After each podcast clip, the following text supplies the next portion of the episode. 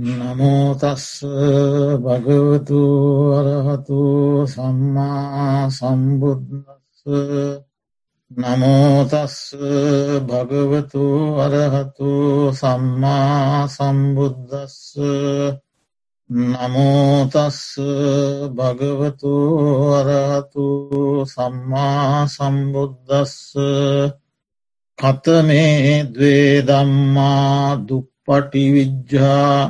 දුප්පටිවිජ්ජා යෝචහේතු යෝච පච්චයෝ සත්තානං සංකිලේශය. යෝචහේතු යෝච පච්චයෝ සත්තානං විසුද්ධියා. ඉමේ දවේ දම්මා දුප්පටිවිජ්ජාති. ශ්‍රද්ධාවන්ත පිංහතුනි යදත් මේ සූදානං වෙන්නේ දිනපතා පවත්වනු ලබන දසුත්තර සූත්‍රය ආශ්‍රයෙන් සිදු කෙරෙන දහම් දේශනාවට සවන්දින්න.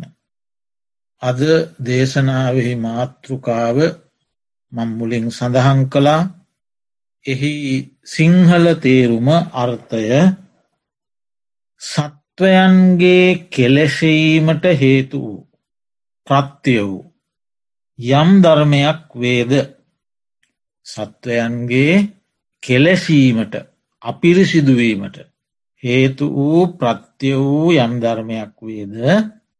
සත්වයන්ගේ පිරිසිදු භාවයට හේතු වූ ප්‍රත්‍ය වූ යම් ධර්මයක් වේද? ඒ ධර්ම දෙක තමා අද අපි මේ ඉගෙන ගන්න. ඒ ධර්ම දෙක ගැන තමයි මේ මාතෘකාවේ සඳහන්වෙන්. පිරිසිදුවීමට හේතු ප්‍රත්තිය මොනවද අපිරිසිදුවීමට හේතු ප්‍රත්තිය මොනවද කියන කාරණය. මේට දුප්පටි විද්‍යා කියන්නේ ඇයි. අවබෝධයට අපහසු නිසා. අවබෝධ කර ගැනීම දුෂ්කර නිසා. පහසු නැති නිසා. ඇයි අවබෝධ කරගන්න අපහසු. මේක එක ආකාරයකින් දක්වන්ඩ බෑ. මේ කරුණු සත්වයාගේ කෙලෙසීමට හේතු ධර්මකිව්වම එකක් දෙකක් තුනක් ආදී වසයෙන් දක්වන්ඩ අමාරුයි. ගොඩාක් කාරණා තියෙන. සත්වයන්ගේ පිරිසිදුවීම පැත්ත කතා කළත් බොහෝමයක් ඒ සඳහා හේතු වෙනවා. අන්නේ නොෙක් ප්‍රබේද ඇති නිසා. දුප්පටි විජ්ජ කියනවා. අවබෝධයට පහසු නෑ.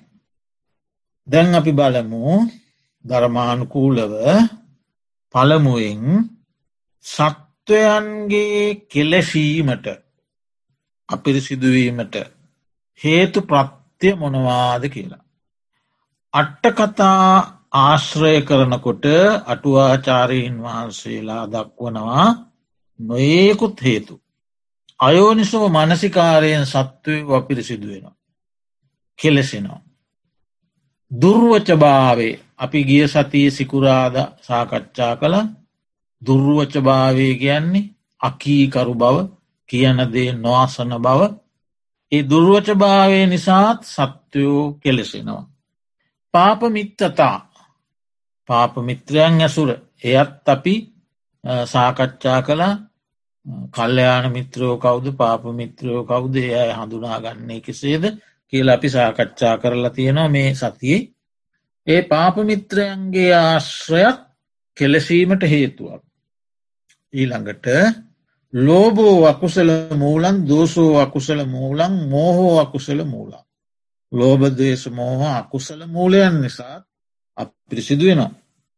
ඊළඟට සතර යෝග නිසා පිරිසිදු වෙනවා. කාම බව දිට්ටි අවිද්ජා. මේ යෝගයන්ගෙහි යෙදෙන නිසා ඒ සතර යෝගයෙන් යුක්ත නිසා අපිරිසිදු වෙනවා. එමෙන්ම පංච චේතෝ කියල නිසාත් අපිරිසුදු වෙනවා. පංච චේතෝ කියල හිතෙහි තද ගතිය උලක් ඇනුනාක් මෙන් හිතෙහි ඇතිවෙන තද්ද බව චේතෝ කියල ඒව පහක් තියෙනවා. ශාස්තෘන් වහන්සේ ගැන සැක කරනවා විචිකිච්චාවට යනවා. ධර්මය ගැන සැක කරනවා විචිකිච්චාවට යනවා නිශ්චිත බවකට එන්නේ නෑ. සංඝහා ගැන සැක කරනවා නිශ්චිත බවකට එන්නේ නෑ. තමන් සමාදන් වුණ ශික්ෂාපද ශීලය ගැන සැක කරනවා විචිකිච්චා කරනවා. නිශ්චිත බවකට එන්නේ. එමෙන්ම තමන් එක්ව වාසය කරන එකට එක්ව වාසය කරන සබ්‍රහ්මචාරීන් වහන්සේලා කෙරෙහි. කුපිත බව ගැටුණු සිත් ඇති බව. දවේශ සහගත සිත් ඇති බව. ඒකත් චේතෝ කිලයක්. අන්නේ පංච චේතෝ කිලයන් නිසා. බුද්ධ ධම්ම සංගත ත්‍රවිධරත්නය පිළිබඳවත් ශික්ෂාකාල් පද ශීලයේ පිළිබඳවත් සැකය. සබ්‍රහ්මචාරීන් වහන්සේලා සමඟ ගැටීම. ඒවත් චේතෝ කියල. ඒවා නිසාත් මේ සත්වයන්ගේ සිත් අපිරිසිදු වෙනවා. ඊළඟට අගාරව සය නිසා අපිරිසිදු වෙනවා. අගාරව ඒ කියන්නේ සත්තේ අගාරවා සත්තරි අගාරවා සප්පතිස්සා. ශාස්තෘූන් වහන්සේට ගරු කරන්න ශාස්තෘූන් වහන්සේ පිහිට කරගන්න. ගරු නොකිරීම. ධර්මයට ගරු කරන්නේ ධර්මය පිහිට කරගන්න. සංගයට සංගහාට ගරු කරන්නේ නෑ සංගහා පිහිට කරගන්නේ නෑ. ශික්ෂාපද සීලයට ගරු කරන්නේ නෑ ශීලය පිහිට කරගන්නේ. අප්‍රමාදීව වාශය කිරීමට ගරු කරන්නේ නෑ අප්‍රමාදය පිහිට කරගන්න. පටිසන්තාරගුණේ පටිසන්තාර්ගුණය කියන්නේ පරතරය අඩුකිරීමේ අදහස. ඇත්ති තැනැත්තා නැති තැනැත්තා දැකළ අනේ මේ නැති තැනැත්තා මා වගේම ඇති තැනැත්තෙක් වෙනවන. ඒ හැඟීමේ අදහස. ඒ පරතරය අඩුකිරීමේ සඳහා කරන ක්‍රියාව. එතකොට සිවුරු තියෙන කෙනා සිවුරු නැති කෙනා ගැන හිතන්න ඕනේ අනේ මේ ඇත්තටත්මට වගේ සිවුරු ලැබෙනවන. අන්නේ පටිසන්තාර ගුණේ ඒකටත් ගරු කරන්නේ පිහිට කරගන්නේ. අන්න ඒවට කියනවා අගාරව ධර්ම කියලා. ඒ අගාරව ධර්ම නිසා සිත අපිරිසිදු වෙනවා. කෙලෙසිනවා.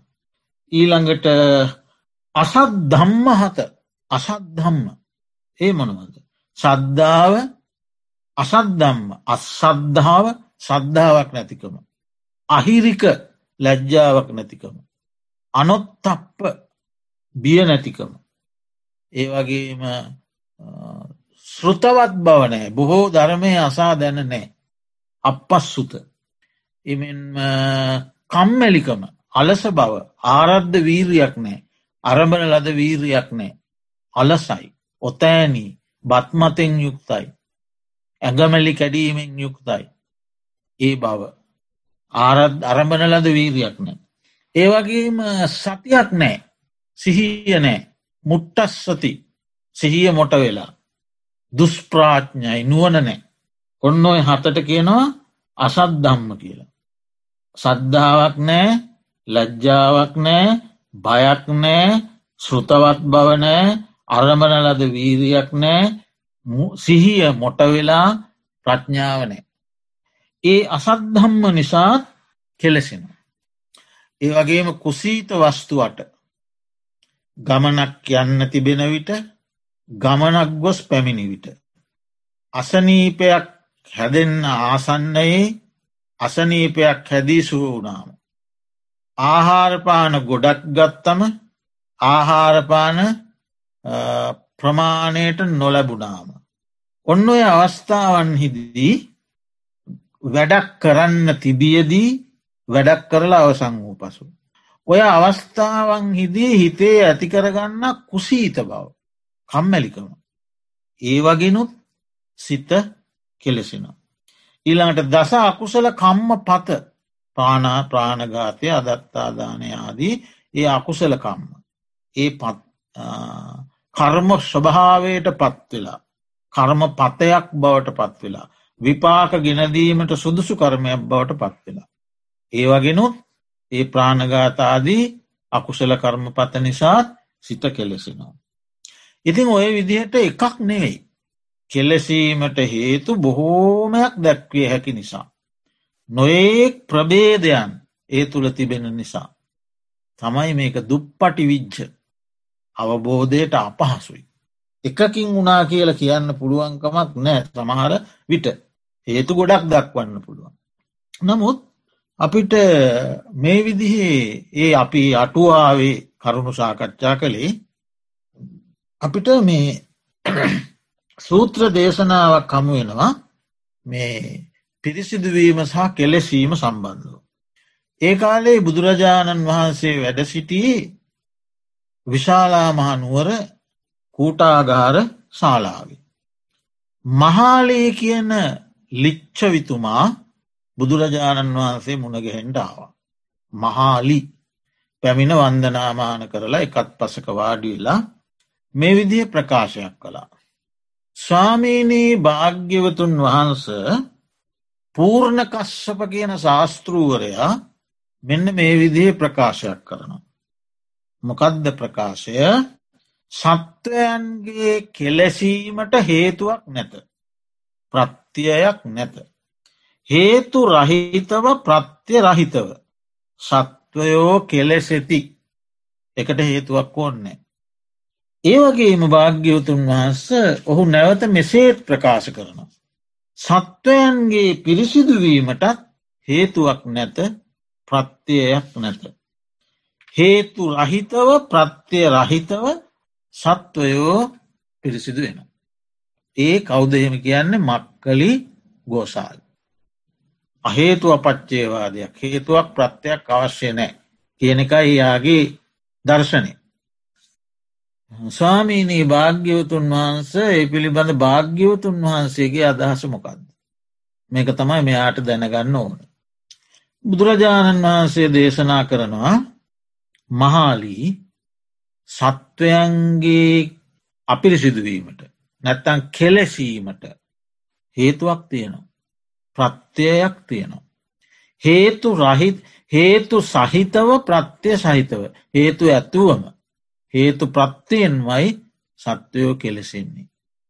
ඒවගේම මහාලී සත්වයන්ගේ පිරිසිදු බවටත් හේතු තියෙනවා. ප්‍රත්්‍ය තියෙනවා. හේතු ඇතිව ප්‍රත්තිය ඇතිව තමයි සත්වයෝ පිරිසිදු වෙන්නේ. තින් බුදුරජාණන් වහන්සේ ඊළඟට දේශනා කරනවා මේ කෙලෙසීමේ පැත්ත. මහාලී එයාට ආමන්ත්‍රණය කරන මහාලී රූපය ඒ කාන්තෙක්ම දුකක් නම්. මේ රූපය ඒ කාන්තෙම්ම දුකක් නම් දුක්කටම වැටුණ දෙයක් නම් දුකෙන්ම යුක්ත දෙයක් නම්. එහි සැපයෙන් යුක්ත බවක් නැත්තම් සැපයක් ඇත්තේම නැත්තම් රූපේ කාන්තයෙන් දුකක් නම් දුකෙහිම වැටුණු දෙයක් නම් දුකෙන්ම යුක්ත දෙයක් නම් සැපයෙන් යුක්ත නොවේ නම් සත්වයෝ රූපයෙහි ඇලෙන්නේ නෑ. මේක තන්නේ සියයට සියයක්ම මේක මුල්ලු මනින්ම දුකක් නම්. දුක්කෙහිම වැටිලා තියෙනවනම් මේක සැපක් ඇත්තේම නැත්නම් සත්වයෝ රූපයේ ඇලෙන්නේ නෑ. ඇලෙන්නේ ඇයි මෙහි ආශ්වාදයක් සැපයක් තියෙන නිසා. මහාලී රූපය සැපද සැපපක්ෂයට වැටුනේද සැපෙන් යුක්තද දුකෙන්ම යුක්ත නොවන්නේද. සැපද සැපයට වැටුන දෙයක්ද සැපයෙන් යුක්ත වූ දෙයක්ද. දුකෙන් යුක්ත නොවන දෙයක්ද. එකැන මුළුමනින්ම දුකම කියලා කියන්න බෑ. එතකොට දැන් කියන්නේ මොකක්ද සැපතියනවා සැපෙහි වැටීමක් තියෙනවා සැපෙන් යුක්ත වූ බවක් තියෙනවා දුකෙන්ම යුක්තය කියලා කියන්න බෑ. ඒ නිසා සත්වයෝ රූපෙහි ඇලෙනවා. සැපයක් තියෙන් නිසා තම ඇලෙන්නේ. මුල්ලු මනින් ඒ කාන්තෙන්ම දුකක් නම් මේ ඇලෙන්නේ මේකට සැපයට වැටුන බවකුත් තියෙනවා. සැපයෙන් යුක්ත බවකුත් තියෙනවා. ඒ කාන්තයෙන්ම දුකක් නොවන බවකුත් තියෙනවා. ඒ නිසා සත්වයෝ රූපෙහි ඇලෙනවා. ඇලීමෙන් බැඳෙනවා. ඇලුන නිසා බැඳෙනවා. බැඳීමෙන් කෙලෙසෙනවා. ඔන්න කෙලෙසීමේ හේතුවක්. රූපයේ සැපපක්ෂයක් තියෙන නිසා එකට ඇලෙනවා ඇලීමෙන් බැඳෙනවා බැඳීමෙන් කෙලෙසෙනවා. ඒවගේ මහාලී වේදනාව. ඒ කාන්ත දුකක් නම් සත්වය ඇලෙන්නේ. වේදනාවේ සැපක් තියෙනවා. දුක් නෝන බවක් තියෙනවා. ඒ නිසා සත්වයෝ වේදනාවෙහි ඇලෙනවා. වේදනාවෙහි බැඳෙනවා. බැඳිලා ඒ වේදනා නැවත නැවත උත්පාදනය කරන්නටයි උත්පාදනය කරපු වේදනා නැතිවෙන කොටයි අනේකාකාරී කෙලෙසීමකට ලක්වෙන. නොලැබූ සුකවේදනා ලබන්න ලැබූ සුකවේදනා ආරක්ෂා කරගන්න ලැබූ දුක්වේදනාවන් දුරු කරගන්න නාන ප්‍රකාර වූ බැඳීමකට කෙලසීමකට පුද්ගලය යොමුෙනවා. ඒවගේම සංඥා හඳුනාගන්නා රූප හඳුනගන්නවා සබ්ද හඳුනගන්නවා ගඳ සුවඳ හඳුනගන්නවා රස හඳුනගන්නවා ස්පර්ශ හඳුනගන්නා සිතේ හටගන්නා දම්ම හඳුනගන්නවා ගැන සිතුයි. එතකොට ඒවා ඒ කාන්තයෙන්ම දුකක් නම් ඇලෙන්නේ. හඳුනාගන්නා දේවල්වලට සැපයක් තියෙනවා. ඒ සැපයට ඇලෙනවා. බැඳෙනවා. කෙලෙසෙනවා. ඊළඟට චේතනා රූපය නිසා හටගන්න චේතනා සබ්දය නිසා හටගන්න චේතනා ගඳ සුවඳ නිසා හටගන්න චේතනා රසය නිසා හටගන්න චේතනා ස්පර්ශය නිසා හටගන්න චේතනා මේ ආදී වශයෙන් මේ චේතනාවන්ට ඒ වගේ තියෙනවා මියුරු බවක් සැපවත් බවක් සුකකාමී බවක් ඒ නිසා පුද්ගලයෝ ඒ චේතනාවන්ටත් ඇලෙනවා බැඳෙනවා බැඳීමෙන් කෙලෙසිනවා විඤ්ඥානයටත් එහෙම. ඉතින් ඒ නිසා මහාලී මේ කෙලෙසීම කියන එක හේතු ප්‍රත්තියෙන් වෙන්නේ. අහේතු අපච්චේවාදීව මේක වෙන්නේ නෑ. ඔන්න බුදුරජාණන් වහන්සේ එතනදීත් කෙලෙසීමේ හේතු දේශනා කළා. ඊළඟට අපිට හමුවෙන අපි තාම මේ කතා කරන්නේ විශුද්ධිය පැත්තනෙමේ කෙලෙසීම පැත්ත. ඒ වගේම අපිට මුණගැහෙනවා කිලේස සංයුත්ත කියලා සංයුක්ත නිකායි. කිලේස සංයුක්ත. එතැනදී බුදුරජාණන් වහන්සේ දේශනා කරනවා මහනෙනි. ඇසෙහි යම් චන්දරාගයක් වේනම්. මේ ඇසෙහි යම් චන්දරාගයක් කැමැත්තෙන් ඇලී යන ස්වභාවය. වේනම් එය සිතෙහි කෙලෙසීමකි. ඒ වගේම කන නාසය දිව කය මනස. ඔන්න ඉන්ද්‍රිය හයයි. ඇස කන නාසේ දිවකය මනස. මේ ඉන්ද්‍රිය හයහිම චන්ද රාගයෙන් බැඳිල යනවන සිත. ඒ බැඳීමම කෙලෙසීම. එපමණක් නොවේ. රූප ශබ්ද ගන්ධ රස්ත පොට්ටබ්බ දම්ම. මේ හය ඉස්සල්ලා කතා කර ඉන්ද්‍රියහය. දැන් අරමුණු හය. ඒ අරමුණුවල ඇලෙනවනම් නැත්තන්ගේ අරමුණුවල චන්ද රාගයක් ඇලී යන ස්වභාවයක් තියෙනවනං ඒයම කෙලෙසීම. ඒ ඇලීම කෙලෙසීම. එමෙන්ම විඤ්ඥානහාය චක්කු විඤ්ඥාන සෝත විඤ්ඥාන ගාන විඤ්ඥාන ජිව්වා විඤ්ඥාන කාය විඤ්ඥාන මනෝවිඤ්ඥාන විඤ්ඥානහාය. ඉස්පර්සහාය චක්කු සම්පස්ස සෝත සම්පස්ස ගාන සම්පස්ස ජිව්වා සම්පස්ස කාය සම්පස්ස මනෝ සම්පස්ස. වේදනා හය වේදනා හය ඇස්සෙහි ඉස්පර්සයෙන් හටගන්න වේදනා. කනෙහි ස්පර්සයෙන් හටගන්න වේදනා. නාසේ ස්පර්සයෙන් හටගන්න වේදනා. දිවෙහි ස්පර්සයෙන් හටගන්න වේදනා. කයෙහි ස්පර්සයෙන් හටගන්න වේදනා. මනසේ ස්පර්සයෙන් හටගන්න වේදනා. වේදනා හය. ඉලාට සංඥාහාය රූප සංඥා සද්ධ සංඥා ගන්ධ සංඥා රස සංඥා පොට්ටබ්බ සංඥා ධම්ම සංඥා. ඊළඟට චේතනාහාය රූප සංචේතනා සද්ධ සංචේතනා ගන්ධ සංචේතනා රස සංචේතනා පොට්ටබ්බ සංචේතනා ධම්ම සංචේතනා. ඊළඟට තන්නාහාය රූප තන්නා සද්ධ තන්නා ගන්ධ තන්නා රස තන්නා පොට්ටබ්බ තන්නා ධම්ම තන්නා. ඊළඟට ධාතුහාය පටවි යාපෝතේජෝ ආයෝ ආකාශ විඤ්ඥාන්. ඊළඟට පංචුපාදානස්කන්දය. කන්ද පහ. රූපස්කන්ද වේදනාස්කන්ද සංඥායිස්කන්ද සංකාරස්කන්ද විඤ්ඥානිස්කන්ද. ඔක්කොම පනස් නවෑ. ඔන්න බුදුරජාණන් වහන්සේ පනස් නමයක් දේශනා කළා. මේ පනස් නමයෙන් යමකට යමකටද චන්දරාගේ ඇති කරගන්න. ඒ ඇතිකර ගැනීමම කෙලෙසීම. එමනම් අහේතු අපච්චය වනෙමේ කෙලෙසීම හැදෙන්නේ හේතු ප්‍රත්‍ය සහිතව. ඊළඟට බුදුරජාණන් වහන්සේ දේශනා කරනවා මෙන්න මේ කියන ලද මේ පනස් නමයක් කිව්වන අපිද යම් කලක දැ මේවා සයින් සයට තමයි දේශනා කරන්න. හය හය හය හය. හයේ ගොඩවල් නමයයි. පහේ ගොඩවල් එකයි. ස්කන්ධ පහයි පහයි. එතකොට හයව නමයක් තියෙනවා. තොට කාණ්ඩ එක කාණ්ඩයකට හයක් අයිති. ඉතින් බුදුරජාණන් වහන්සේ දේශනා කරනවා මහනිනි යම් කලක මෙන්න මේ කියන ලද හය තැන්හි. රූපය වේදනාව ඇස කන නාසය දිව කාය මනසේ. මහයක් ගම්ම අපි.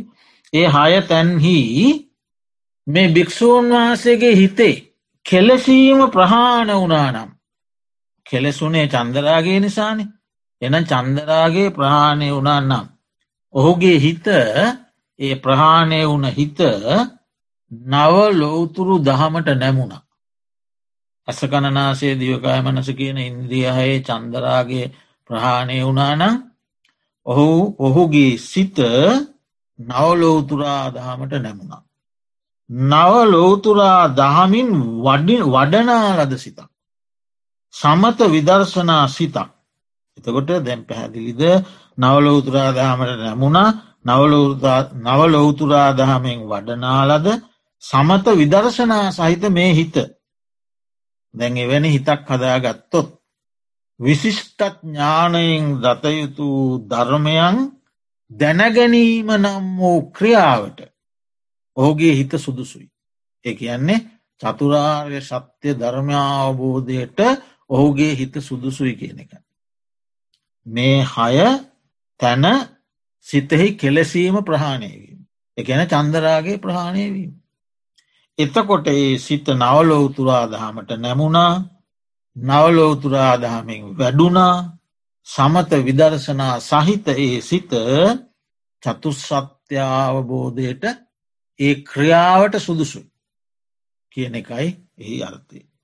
ඒ පනස් සතරටම හය ගොඩවල් හැමහකට මෙහෙම ගන්න පුළුවන් පංචුපාදානස්කන්දයට ගන්නත් පුළුවන්.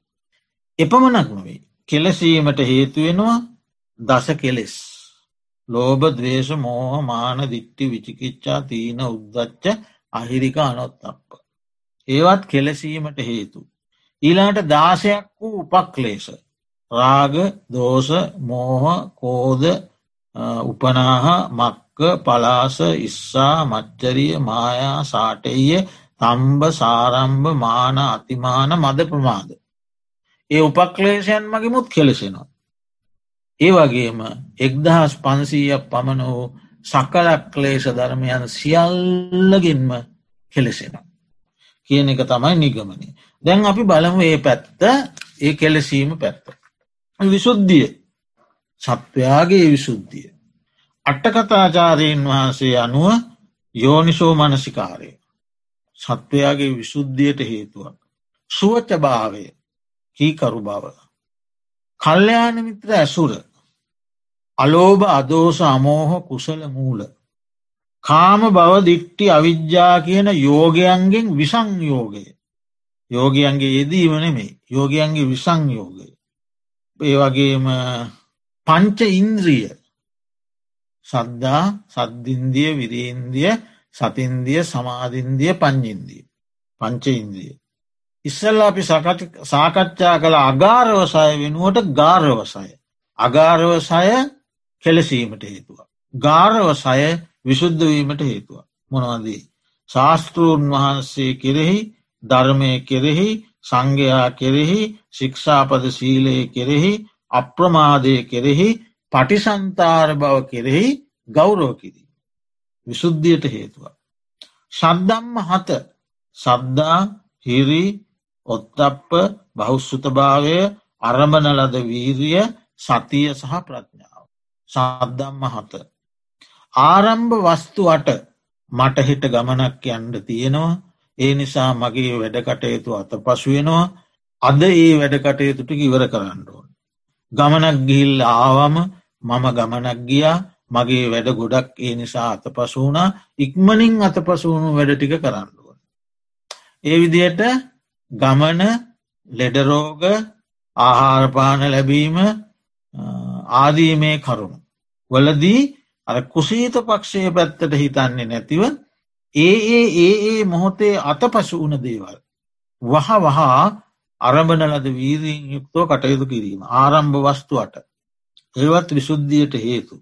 ඊළඟට නව ආගාත පටිවිනය ආගාත පටිවිනේ අපිට ආගාතය ඇතිවෙන ආකාර නමයක් තියෙනවානේ අසවලා මගේ මිතුරාට අසවලා මට දැන් අනර්ථයක් කළේ නැත්තං අතීතයේ අනර්ථයක් කළේ අනාගතය අනර්ථයක් කරාවි. අසවලා මගේ මිතුරාට දැන් අනර්ථයක් කළේය. අන අතීතයේ අනර්ථ කළේය. අනාගතයේ අනර්ථ කරාවි. අසවලා මගේ සතුරාට දැන් උපකාර කරන්නේ. අතීතයේ උපකාර කළේය. අනාගතයේ උපකාර කරාවි කියලා ඔය අතීත වර්තමාන අනාගත කියන කාලත්‍රයට අනුව ඇතිවෙන ආගාත වස්තු. ඒ ආගාත වස්තුවලින් යුක්තවීම කෙලෙසීම. ආගාත වස්තුවලින් දුරුවීම ඒවා ප්‍රහාණය කිරීම පවිත්‍රත්වයට විශුද්ධ භාවයට හේතුව. ඒවගේම දස කුසල කම්ම පත ප්‍රාණඝාතයෙන් වැලකීම්මාදී දස කුසල කර්ම පතයන් විශුද්ධයට හේතුවක්. ඒ අට්ටකතාචාරීන් වහන්සේ දක්වන ලද අදහස්. බුදුරජාණන් වහන්සේ අර මහාලී සූත්‍රයේදී. මහාලි සාක්‍ය වන්සික මහාලීතුමාට දේශනා කරනවා පිරිසිදුවීම පැත්තත්. අර කෞුද මක්කලි ගෝසාලගේ ඒ අහේතු අපච්චේ වාදයම පැහැදිලි කරන බුදුරජාණන් වහන්සේ දේශනා කරනවා මහාලිය. රූපය ඒකාන්තෙම්ම සැපනම්. සැපයටම වැටී තියෙනවන. සැපෙම්ම යුක්ත නම් දුකෙන් යුක්ත නොවන්නේ නම්. ඒ කාන්ත සැපයක් නම් සත්වයෝ රූපයෙහි කලකිරෙන්නේ නෑ. ඒ කාන්ත සැපන් නම් මොකටද කලකිරෙන්නේ. කලකිරෙන්නේ නෑ. මහාලි රූපය දුකද එක දුකක් තියෙනවා. දුකේ වැටුනේද දුකෙන් යුක්ත වූයේද. සුවයෙන්ම යුක්ත නොවන්නේද. ඒ නිසා සත්වයෝ රූපෙහි කලකිරෙනවා. කලකිරෙන්නේ දුකක් තියෙන නිසා.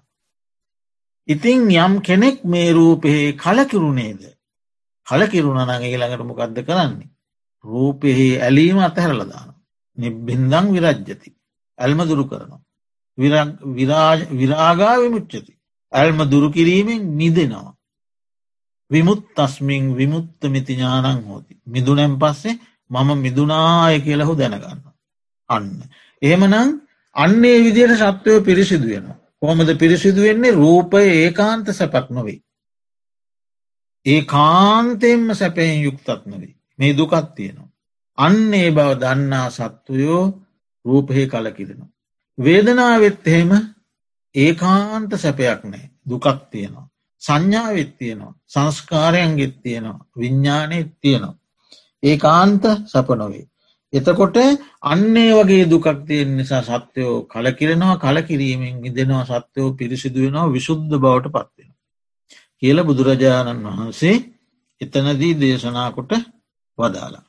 එතකොට දැන් අපි බලමු මේ විදිහට නොෙක් ප්‍රබේදගත වූ මේ සත්වයාගේ පිරිසිදු භාවයක් ඊළඟට සත්වයාගේ කෙලසීමත් පිළිබඳව දේශනා කළ ධර්මය දැන් අපි අපි අවධානය යොමු කරනවා අපිට නිතර අසා පලපුරුදු අපි හැමෝම වගේ හලා තියෙන පැත්තකට මෙතෙක් අප ඉගෙන ගත්ත කෙලසීමයි විශුද්ධවීම. විශුද්ධ කියන වචනය අපිට හොඳට මතකයි කොතනදීද. මහා සතිපට්ටාන සූත්‍ර දේශනාවේදී. එතෙන්ද අපි කොහොමද කියන්නේ. ඒකායනෝ අයං භික්කවේ මක්ගෝ සත්තානං විශුද්ධිය. අන්න විශුද්ධි කියන වචන. සත්තානං විශුද්ධිය. සෝක පරිද්ධවානන් සමතික්කමාය දුක්ක දෝමනස්සානං අත්තංගමාය. ඥායස්ස අධිගමාය. නිබ්බානස්ස සච්චි කිරියාය. යදිදං චත්තාරෝ සතිපට්ටානා. ඔන්න. එමනං මේ සතර සතිපට්ටානය ඒ කාන්තෙන්ම සත්වයාගේ විශුද්ධිය පිණිස හේතුවෙන. විශුද්ධිය පිණිස හේතුවෙන. ඒ කියන්නේ බුදුරජාණන් වහන්සේ දේශනා කරනවා මහනෙන සත්වයන්ගේ පිරිසිදුවීම පිණිස සෝක පරිදේවයන්ගේ ඉක්මවායෑම පිණිස දුක් දොම්නස්සාදීන්ගේ දුක්ක දෝමනස්සං අත්හංගමාය දුක්ක දෝමනස්යන්ගේ දුරුවීම පිණිස ආර්යෂ්ඨාංක මාර්ගය නම් වූ න්‍යායට ප්‍රවිෂ්ටවීම පිණිස චතුරාර්ය සත්‍යාබෝධය පිණිස නිර්වාණ සුවශාන්තිය පිණිස ඒ කායන වූ මාර්ගයක් තිබෙනවා. මොකක්ද ඒ කායන මාර්ගය සතර සතිපට්ටාන ධර්මය. කායේ කායානු පස්සී විහරති ආතාපි සම්පජානෝ සතිමාවිනේය ලෝකේ අභිජ්ජාදෝමනස්සම්.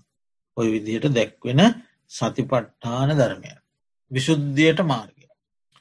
ඊළඟට අපිට අපි හොඳට පලපුරුදු තව සූත්‍රයක් තියෙනවා සප්ත විශුද්ධිය ඇතුළත්. එතනත් තියෙනවා විශුද්ධි කියන නම අපිට හුරුයි. සීල විශුද්ධි චිත්ත විශුද්ධි දිට්ටි විශුද්ධි කංකාවිතරණ විශුද්ධි මග්ගා මග්ග ඥාන දස්සන විශුද්ධි පටිපදාඥාන දස්සන විශුද්ධි ඥාන දස්සන විශුද්ධි. එතනත් සත්වයා මුලින්ම පිරිසිදු භාවය ශීලයෙන් ආරම්භ කරලා කයවචන දෙකේ සංවරය නම් වූ සීලයෙන් ආරම්භ කරලා ඊළඟට සිත එකඟ කරන චිත්ත ඒකාග්‍රතාවේ භාවනාව ඊට පස්සේ විදර්ශනාවට වැටෙනවා නාමරූපය නාමරූප වශයෙන් විදර්ශනා කිරීම මමය මාගේ අනිකාය ආදී වශයෙන් මේ අපි සලකන දේවල් නාමයකට සහරූපයකට බෙදාගෙන විදර්ශනා කරමින් ඉදිරියට යන ගමන. ඒ කෙලවර නිවන ඥාන දස්සන විසුද්ධිය.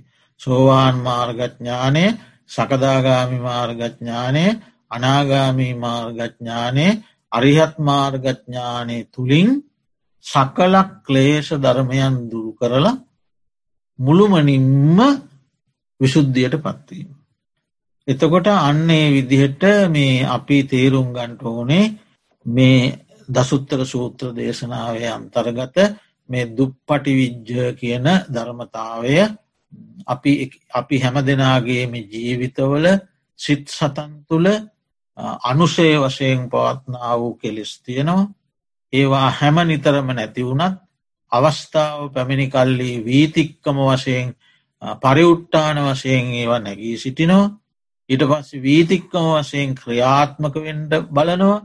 ඒ නිසා ඒ සියලූම ධර්මතාවයන් අනුශය ධර්මයන් තිබෙන තාකල් පූර්ණ පවිත්‍රභාවයක් අපට ලැබෙන්නේ නෑ ඒ බව අපි තේරුම් අරගෙන ඉඩ ලැබෙන ලැබෙන හෑම අවස්ථාවකදීම ඒ විශුද්ධිය සඳහා අවශ්‍ය කරන ධර්මතාවයන් පුරන්නට දියුණු කරන්නට අධිෂ්ඨාන කර ගනිමු මෙතෙක් වේලා ධර්මශ්‍රවනය කිරීමෙන් උපදවාගත්ත කුශල ශක්තිය අපටත් අප නමින් පරලෝස පඥාතීත මිත්‍රාදීන්ටත් දෙවියන් සහිත ලෝකවාසී සියලු සත්වයන්ටත් අමාමහා නිර්වාණ සුව සාන්තිය පිණිසම හේතුවේවා වාසනාවේවා උපනිශ්‍රේ වේවා කියන පාර්ථනා ඇති කර ගනිමු. ආකාසට්ටාචිබුම්මට්ටවානාගා මහින්දිකා පුഞ්ඥන්දං අනුමෝදිත්වා. චිරන්රක්කන්තු ශාසනං ආකාසට්ටාජ බුම්මට්ටා දේවානාගා මහින්දිකා පුഞ්ඥන්තං අනුමෝදිත්වා චිරන්රක්කන්තු දේශනා ආකාසට්ටාජ බුම්මට්ටා දේවානාගා මහින්දිකා පුഞ්ඥන්තං අනුමෝදිත්වා චිරන්රක්කන්තු මම්පරන්ී සාධ සාධ සාධ සාධ